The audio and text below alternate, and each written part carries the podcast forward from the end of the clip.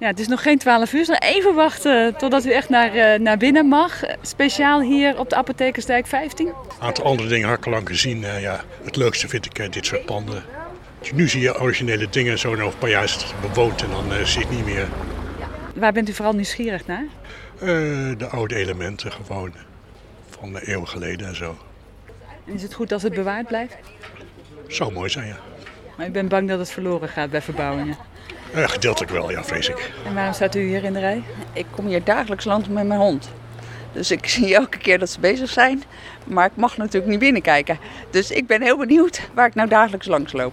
Monumentendag in het algemeen eh, is gewoon hartstikke leuk. En om eens achter de voordeuren te kijken, een stuk geschiedenis te weten. Het is een eh, mooie aanvulling. Dus ik heb er veel zin in. En is het dan extra leuk omdat het eigenlijk een woonhuis is? Ja, dat vind ik wel. Dus ik kijk ook altijd wel naar wat is nog in verbouwing. Dat heeft ook iets extra's nog. Een beetje gluren bij de buren.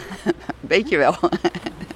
Nou, eh, eh, welkom eh, op de Apothekersdijk 15 en leuk dat jullie willen kijken. Ik eh, hier leid jullie rond. Ik ben, Het is architect architect Wagenaar zelf die de eerste gasten binnen rondleidt. zijn gekomen. Dat is, het pand bestaat uit een aantal eh, delen.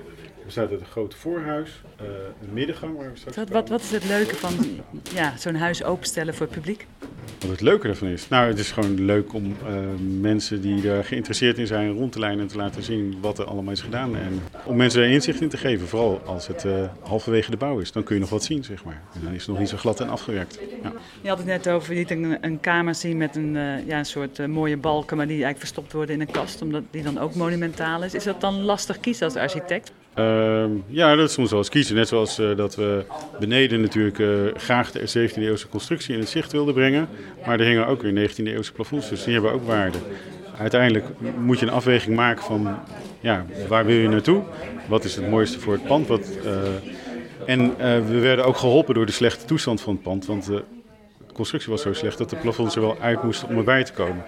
Nou ja, en toen kregen we het voor elkaar om die plafonds er ook niet meer terug te hoeven brengen omdat die, die 17e-eeuwse constructie die erboven zat eigenlijk nog veel mooier was om te zien.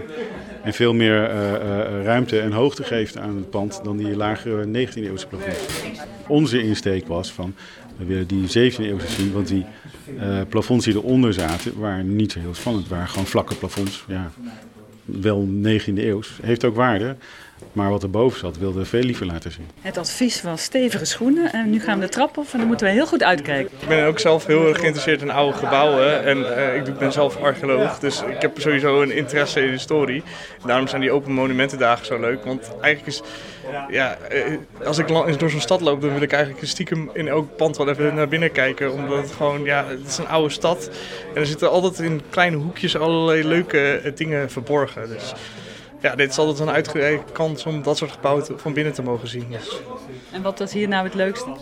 Ik vind die dakconstructies heel erg leuk. Dat, ga ik al, dat vind ik altijd heel erg leuk om te zien.